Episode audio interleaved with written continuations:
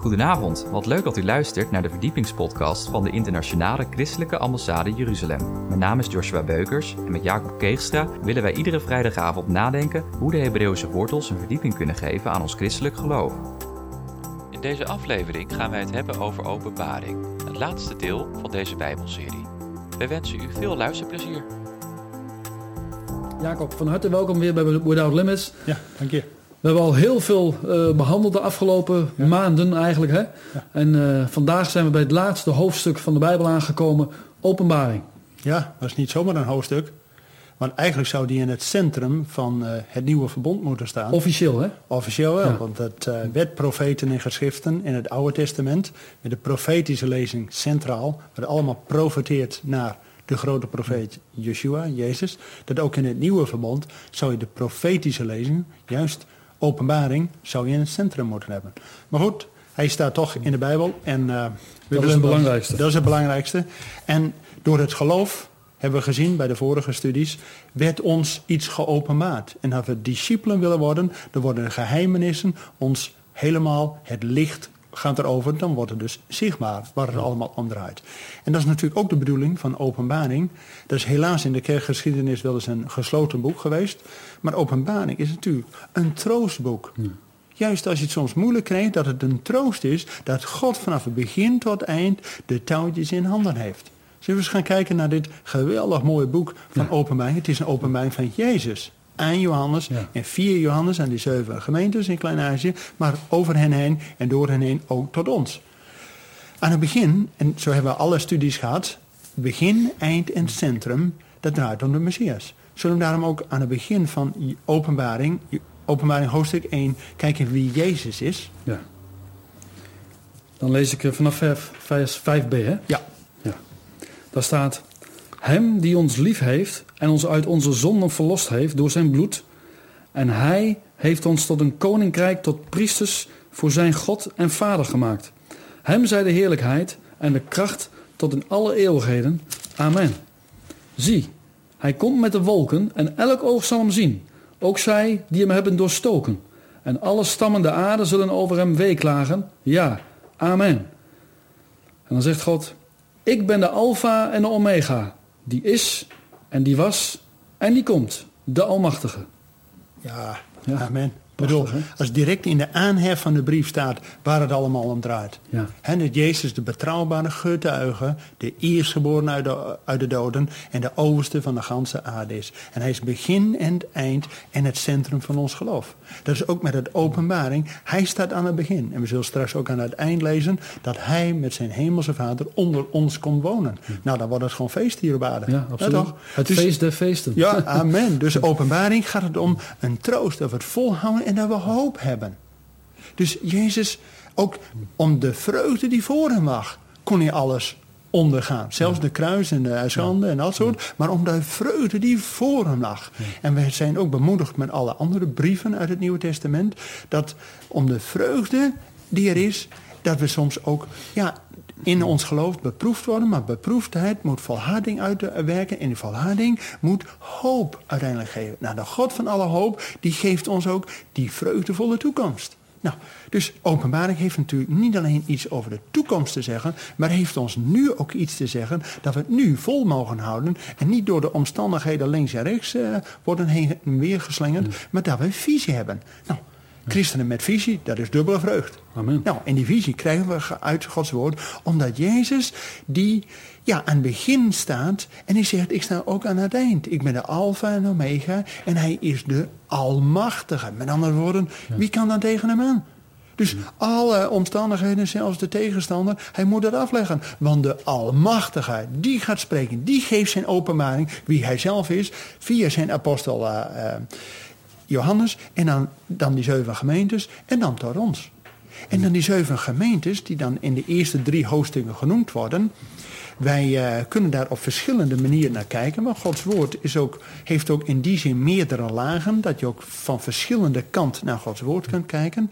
Die zeven gemeentes die Johannes met deze brief van de openbaring moest... Uh, uh, ja, de, die openbaring moest doorgaan naar al die zeven gemeentes. Dat heeft natuurlijk in eerste instantie te maken met hoe de postkoets daar in Klein-Azië ging. Dat het gewoon van Smyrna, Efeze en zo. En dan kwam die uiteindelijk in Laodicea uit.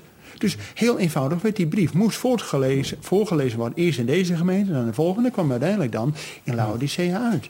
Maar je kunt natuurlijk ook die zeven lezen als een heelheid van de zeven gemeentes, die de engel, die de lamp doet lichten van de zeven gemeentes, dat het ook een stuk is van de wereldgeschiedenis met al die zeven periodes in de geschiedenis. En dan zijn we nu bij Laodicea aangekomen. Ja, want er waren natuurlijk veel meer gemeentes. Alleen deze zeven zijn er uitgelicht. Ja, en er zijn twee die heel positief zijn. En er veel kerken die noemen zich naar een Philadelphia gemeente. Want ja, daar was broederlijke liefde.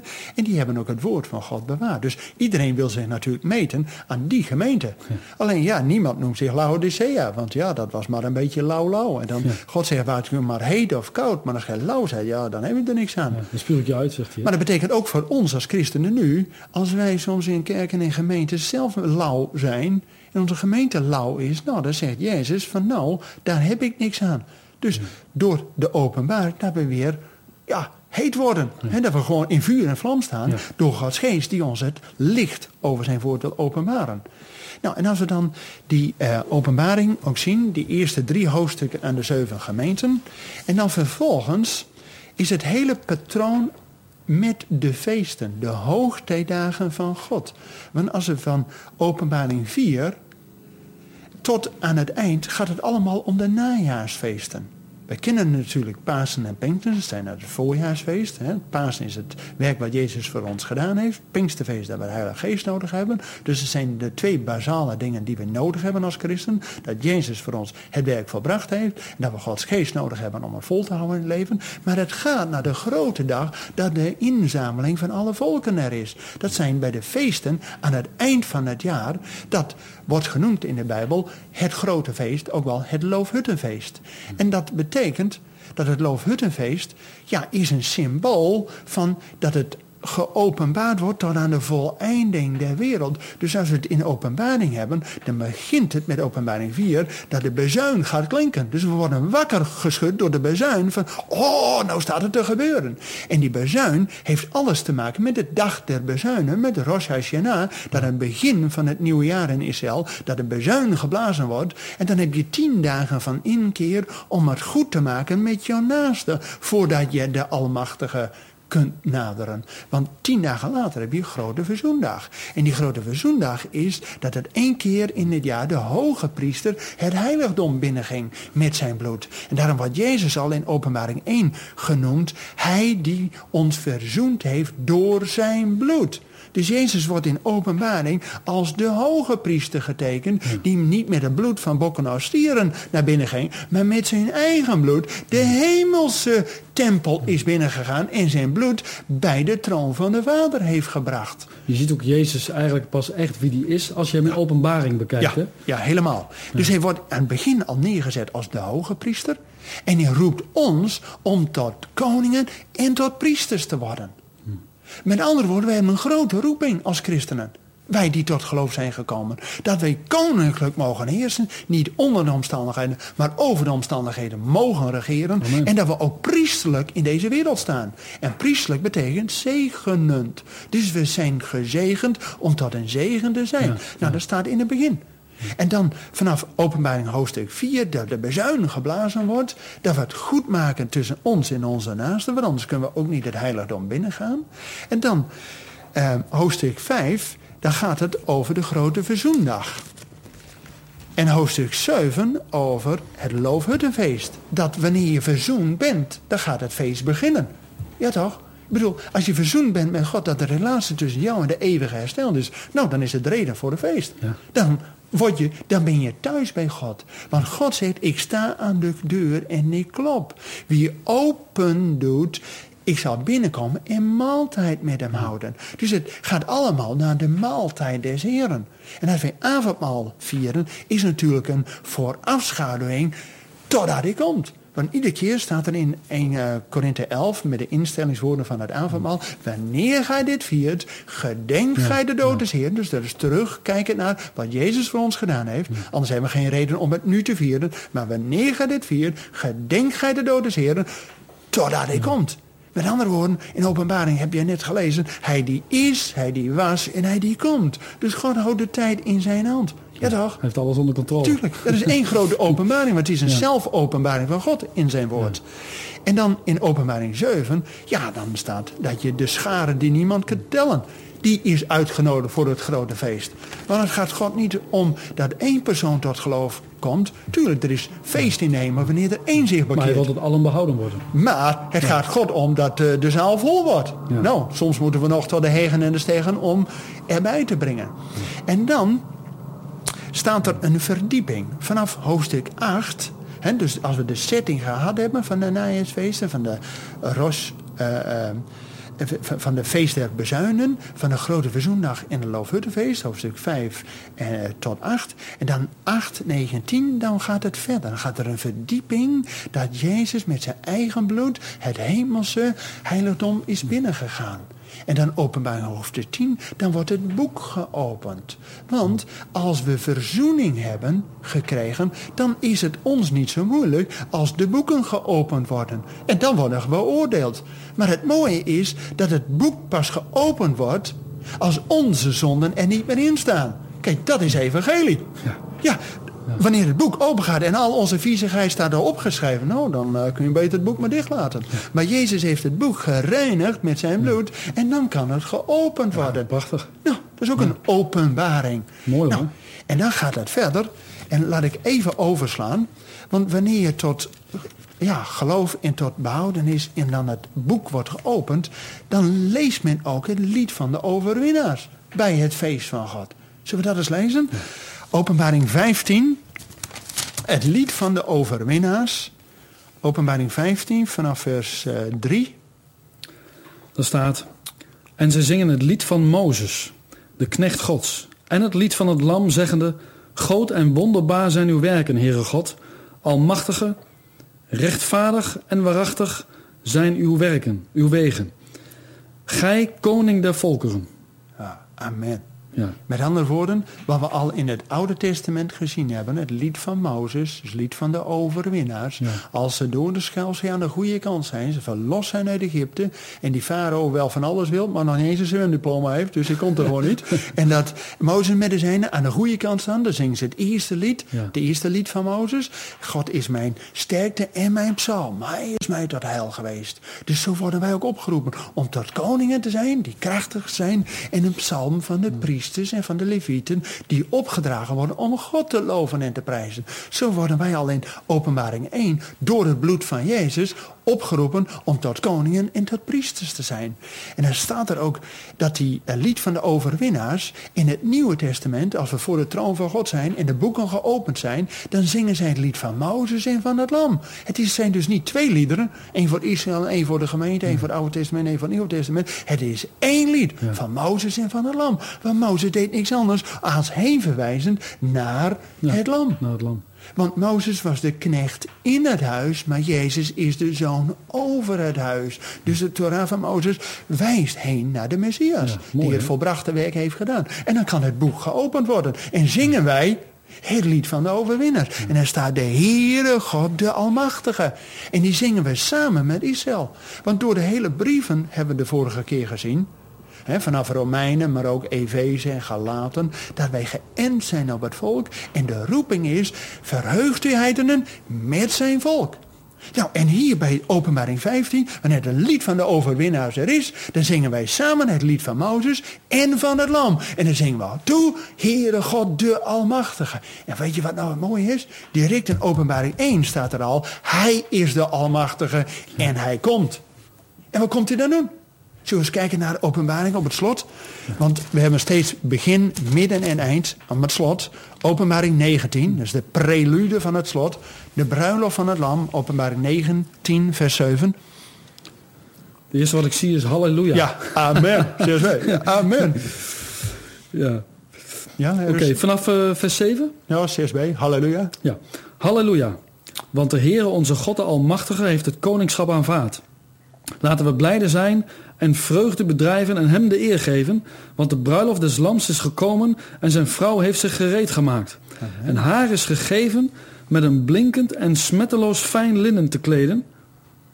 En haar is gegeven zich met blinken en smetteloos fijn linnen te kleden, want dit fijne linnen zijn de rechtvaardige daden der heiligen. Amen. Ja, Amen. hier komt het weer terug wat we in de vorige aflevering allemaal over Ja, want Ja. eh, dat wanneer je tot geloof bent gekomen, dan is het niet zo van nou, ga maar op je lauwen rusten. Nee, wanneer je bij de bruiloft van het lam niet naakt wil zitten, hè, of in de verkeerde kleding, dat kennen we ook, wat Jezus zegt van, hé hey, vriend, waar is uw feestkleed? Nou, het feestkleed is dan met fijn linnen. Dat is dus een priesterlijk gewaad. Die hadden dat fijne linnen aan. En hoe word je daar nou mee bekleed?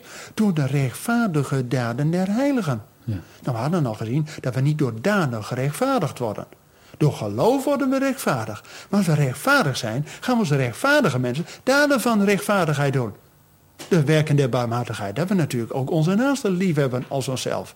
En dan zijn we bekleed en daardoor worden we bekleed met dat fijne linnen. En er staat, laten wij blijde zijn en vreugde bedrijven hem de eer. Want de bruiloft van het lam is gekomen. En wanneer is dat nou gekomen?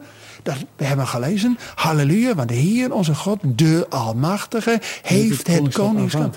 Weet je nog dat we met Handelingen 3, dat Jezus met de hemelvaart, de hemel moest hem opnemen tot de tijd der wederoprichting aller dingen, dat Jezus naar de hemel is gegaan om zijn koninklijke waardigheid in ontvangst te nemen? En nu in openbaring 19, aan het eind van de geschiedenis staat, halleluja! Hè, de Messiah van Hendel die spreekt ervan, halleluja. Want hij heeft zijn koningschap aanvaard. Nou, dan kan het feest hier op aarde beginnen. Dus het feest komt uit de hemel naar de aarde toe. En dan helemaal op het eind, openbaring 21 en 22, daar staat dat God vanuit de hemel naar de aarde komt. En hij komt tabernakelen onder ons. Is het grote loofhuttenfeest. De tent van God, de soeka van God, de tabernakel van God, de loofhut van God. Over die feesten gaan we het nog hebben. hè? ja, dan gaan we het allemaal hebben. Maar het is eh, toch een voorafschaduwing. Want openbaring 22 er zit natuurlijk ook weer die 22 letters van het Hebreeuwse in. Hè, 22 letters van het Hebreeuwse alfabet. En het 22e is dat God komt tabernakelen onder ons. En die tabernakel, die eh, tent van God, dat God zijn vleugels over ons uitspreidt. Zie je nog dat Boas tegen Rut zegt, de Jood tegen de niet-Jood, die zegt van kom erbij. En God zal zijn ja, armen over je uitstrekken. Dat je komt schuilen onder de vleugel van de Almachtige. En dat wordt hier al drie keer gezegd. Openbaring 1, openbaring 15 en nu openbaring 19. Halleluja, want de koning heeft zijn koningschap ervan. Nou, dan kan het feest beginnen. Alleen er staat ook nog iets anders. Want het is goed om deze vreugde vol, vol te houden en je voor te houden. Maar er staat in het centrum van openbaring ook die lijn van de moeilijkheden. Van die zeven zegels, de zeven bezuinen, de zeven schalen. En dat betekent dat het soms wel eens moeilijk kan worden. Maar dat betekent ook dat als het moeilijk wordt, en, en helemaal in het midden staat openbaring 13, hè, van, die, van die hele moeilijke tekst, dat we een nummer van het beest, ja, degene die dat niet wil, 666. ja, ja, ja, ja. Met andere woorden, we hebben de vreugde nodig om het vol te houden. Maar wat hier allemaal staat te gebeuren, beest uit de aarde, de beest uit de zee en een nummer op je hand of op je rechterhoofd. Nou, een economie, alles is al voorbereid. Het, het- het- Ja, je Alles ziet- is er klaar voor. het is er allemaal klaar voor. Met andere woorden, die dat niet wil, nou, die worden gedood, staat hier. Maar hou vol, want degenen die gedood zijn, zullen het lied van de overwinnaar zingen bij de troon van God. Alleen, hier staat ook die lijn in de openbaring. En daarom wordt hij natuurlijk vaak niet gelezen in de kerken. Van, oh, het is een moeilijk boek. Die zeven eh, zegels, zeven bezuinen, zeven schalen. Allemaal rampspoed, dat vinden we niet leuk. Het is niet fijn, dus weg ermee. Nee, wees waakzaam, zodat je bidt dat je mag ontkomen van al die moeilijkheden. En daar wat volhouden. Want, weet je, na openbaring moet je niet stoppen. Mijn mooiste tekst vind ik hierin, openbaring 14, vers 1. En ik zag en zie, het lam stond. Ja. Dus opstanding. Het lam stond op de berg Sion. En met hem die grote schare, die 144.000. Dat is natuurlijk een voorbode van die schare die niemand tellen kan. Uit de openbaring 15. Met andere woorden, ook al wordt het moeilijk. En het kan nog veel moeilijker worden in onze eh, wereld. Maar lees door. Openbaring 14 zegt. En ik zag en zie, het lam staat. En daarom kunnen wij als overwinnaars in het geloof van het lam, en dat je door het lam en het bloed van het lam worden we behouden. En dan zie je ook, hè, er is hoop. Tuurlijk, amen. Daarom is ook in wezen de, de openbaring een boek van hoop en een boek van troost. Want de trooster staat er garant voor dat wij troost ontvangen. En de openbaring ontvangen als we hem willen volgen. Maar we denken, oh, dat wordt allemaal niks. Ja, dan gaan we ook niet zijn weg. Maar krijgen we ook niet de vertroosting der schriften. En vandaar hier in het centrum staat, en ik zag en zie het lam stond op de berg Sion. Nou, en hij nodigt ons voor de maaltijd des Heren, de bruiloft van het lam. Nou, en ja, dat is het slot van de Bijbel, op mij 21 en 22, dat dat nieuwe Jeruzalem komt uit de hemel naar de aarde en er is geen zon en maan meer nodig. Nee. Want het lam is de lamp. Ja, hij is het licht. En Jezus Christus wordt ook het woord Gods genoemd. Het woord is een lamp voor onze voet en een licht om ons pad. Dus wanneer we het woord van God in ons hart hebben, door Jezus ons Heer, dat de Heilige Geest ons dat doet herinneren en ons de toekomst doet verkondigen, is dat een en al overwinning. Amen toch? Mooi, hè? Dan zingen we het lied van overwinning. En als wij het woord openen, verspreidt het licht zich de Ja, Bijbel. ja. Staat al in het centrum van de Ja, Bijbel. Lamp, licht, het heeft allemaal met elkaar te maken. Amen. Ja, geweldig. Amen. Amen. Nou Jacob, heel fijn. Eh, ja, we hebben dit, eh, deze serie afgesloten met openbaring. Eh, maar we gaan ook nog door, want we gaan ook straks de feesten allemaal behandelen. Eh, we hebben nog even een paar minuten tijd. Kun je daar iets over vertellen wat we in de Ja. toekomstige afleveringen eh, over de feesten gaan horen? Ja, want God zelf is een God die de tijden in zijn hand houdt. Hij heeft de tijden gegeven en de seizoenen om ook tot een teken voor ons te zijn. Dus de, de hoogtijdagen, de feestdagen zijn door God ingesteld. Van Pasen, van Pinksteren en het Loofhuttenfeest als het grote feest. Alleen in onze kerkelijke traditie kennen we vaak wel eh, Pasen en Pinksteren en dan eventueel kerst. Maar het kerstfeest is oorspronkelijk als een midwinterfeest, als een heidensfeest begonnen. Er is wel een christelijk sausje over gekomen, maar is niet wat God ons in zijn woord aangeeft. En wanneer we de feesten, de hoogtedagen van God leren kennen en ook gaan houden, nou dan zit er zo'n openbaring in. Want we hebben met het Johannes-evangelie al gezien dat Johannes 5 gaat over het Pinksterfeest. Johannes 7 over het Loofhuttenfeest. Johannes 10 het Ganoukkenfeest. Johannes 13 over het Pesachfeest. En dat eindigt met de dag der eerstelingen van de opstandingsdag. Daar eindigt Johannes-evangelie mee. Met andere woorden, het Johannes-evangelie is volgens mij niet te lezen als je ook niet de achtergrond van de Bijbelse feesten kent. En in openbaring hebben we hier gezien, hè, wat we vandaag over hebben gehad, dat is amper te lezen als je ook niet zicht hebt op de najaarsfeesten van de dag der bezuinen, de grote verzoendag en het loofhuttenfeest. En dat eindigt met de vreugde van de Torah, Simchat Torah, waarin de tekst wordt geëindigd met de zegen van God, Deuteronomie 43, eh, 33 en 43 en 34, en direct weer met Genesis 1 begonnen wordt. En Jezus zegt ook op die dag, ik ben het licht der wereld. En ik ben is natuurlijk, ik ben, ik ben, God zelf. En dat zegt de zoon, omdat hij één met de vader is, zegt hij, ik ben het licht der wereld. En dat is natuurlijk, wanneer Genesis 1 wordt gelezen op Simchat Torah, wanneer Genesis 1, het licht, is het eerste woord wat God gesproken heeft. En dat zegt Jezus ook op dat moment, ik ben het licht der wereld. Dus zicht op de feesten is zicht op wie God is. Bedankt voor het luisteren naar deze verdiepingspodcast van de ICEJ. Waardeert u onze podcast? Steun ons dan met een donatie, abonneer u of deel deze podcast met uw vrienden of familie. Ga naar www.icej.nl. Wij besluiten deze Bijbelserie en volgende week gaan wij verder met een nieuwe. Jezus, de Messias van Israël. Een vijfdelige serie waarbij de eerste podcast gaat over Jezus, de profeet. Hartstikke interessant en we hopen dat u wederom naar ons luistert. Voor nu hartelijk bedankt voor het luisteren en tot volgende week.